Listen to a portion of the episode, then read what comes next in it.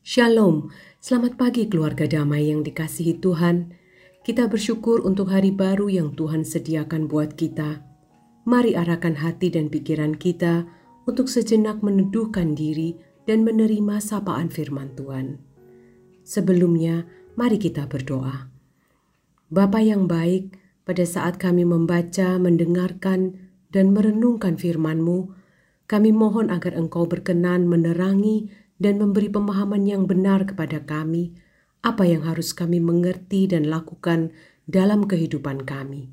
Terima kasih Tuhan. Dalam nama Tuhan Yesus, kami berdoa.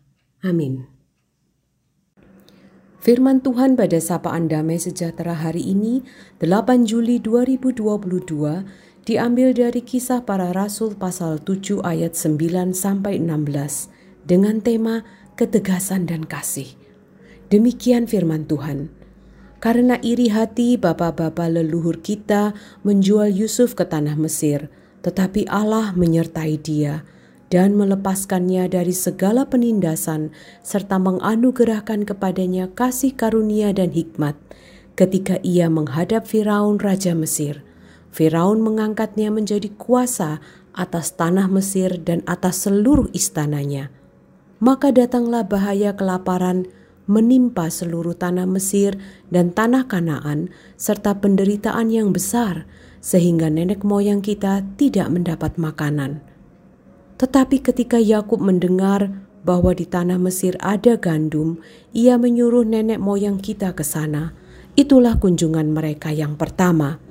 Pada kunjungan mereka yang kedua, Yusuf memperkenalkan dirinya kepada saudara-saudaranya, lalu ketahuanlah asal usul, asal usul Yusuf kepada Firaun. Kemudian Yusuf menyuruh menjemput Yakub ayahnya dan semua sanak saudaranya, 75 jiwa banyaknya. Lalu pergilah Yakub ke tanah Mesir. Di situ ia meninggal, ia dan nenek moyang kita. Mayat mereka dipindahkan ke Sikem dan diletakkan di dalam kuburan yang telah dibeli Abraham dengan sejumlah uang perak dari anak-anak Hemor di Sikem.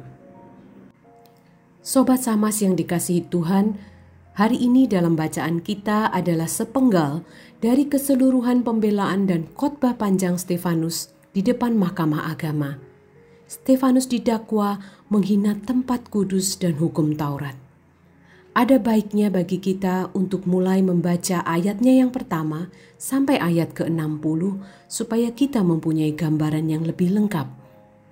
Stefanus adalah seorang diaken pada gereja mula-mula, seorang yang memiliki kualitas kerohanian yang baik dan sangat dihormati di kalangan gereja di Yerusalem.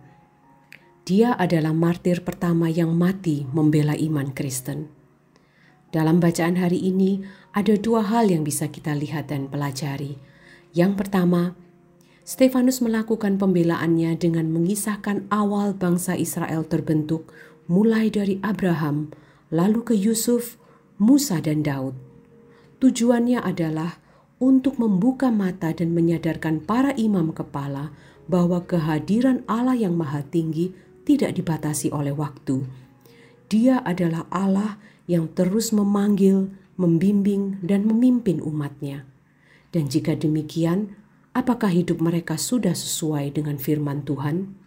Stefanus menyatakan hal ini karena meskipun para imam kepala sudah tahu akan sejarah bangsa Israel dan penyertaan Allah, tetapi mereka tetap tidak percaya akan Kristus dan hidup tidak dalam ketaatan dengan firman Tuhan.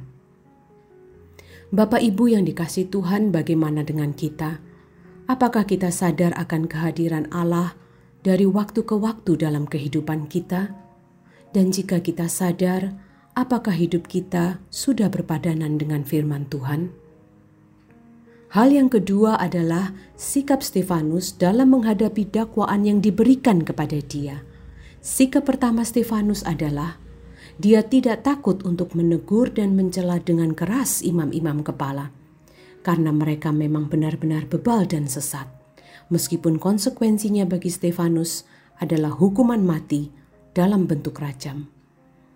Hukuman rajam adalah hukuman mati dengan cara dilempari batu atau sejenisnya sampai mati. Konon jika batu langsung mengenai kepala dan langsung mati, itu adalah yang terbaik. Tidak tersiksa oleh kesakitan akibat lemparan-lemparan batu. Betapa mengerikan hukuman ini. Kita tidak tahu apakah Stefanus langsung mati ataukah mengalami penderitaan akibat lemparan-lemparan batu. Tetapi di tengah-tengah lemparan batu, sikap Stefanus yang kedua adalah dia masih bisa berkata di ayat ke-60. Sambil berlutut, ia berseru dengan suara nyaring, "Tuhan, janganlah tanggungkan dosa ini kepada mereka." Di dalam kesakitannya akibat lemparan batu, Stefanus masih bisa berdoa seperti itu. Menurut saya, hal ini sungguh ajaib dan luar biasa. Apakah Stefanus luar biasa? Ya, dia luar biasa. Tetapi pasti yang membuat Stefanus seperti itu adalah Allah sendiri.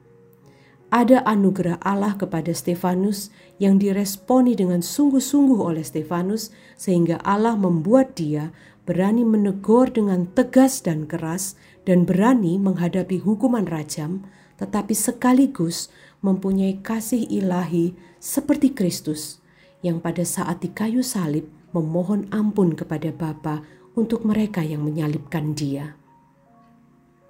Tingkat dan kedalaman kerohanian Stefanus teruji dan tampak pada situasi seperti ini. Kesungguhan dan ketaatan imannya kepada Allah ada pada dua sisi bersamaan. Keras dan tegas akan kebenaran firman Tuhan, sekaligus mempunyai hati yang lembut dan mengasihi kepada sesama.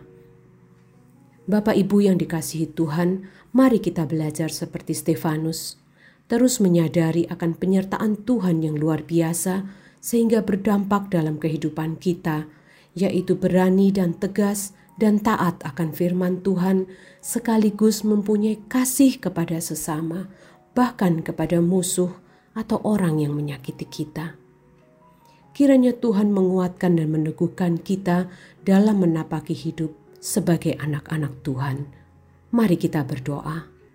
Ya Tuhan, hari ini kami belajar dari seorang Stefanus yang luar biasa. Tolong kami menjadi seperti Stefanus yang terus memandang Engkau dalam hidupnya, sehingga kualitas kerohanian kami bukan hanya di permukaan yang dilihat orang saja, tetapi sungguh mendalam dan mengalami Engkau tiap-tiap hari dalam kehidupan kami. Di dalam nama Tuhan Yesus, kami berdoa. Amin.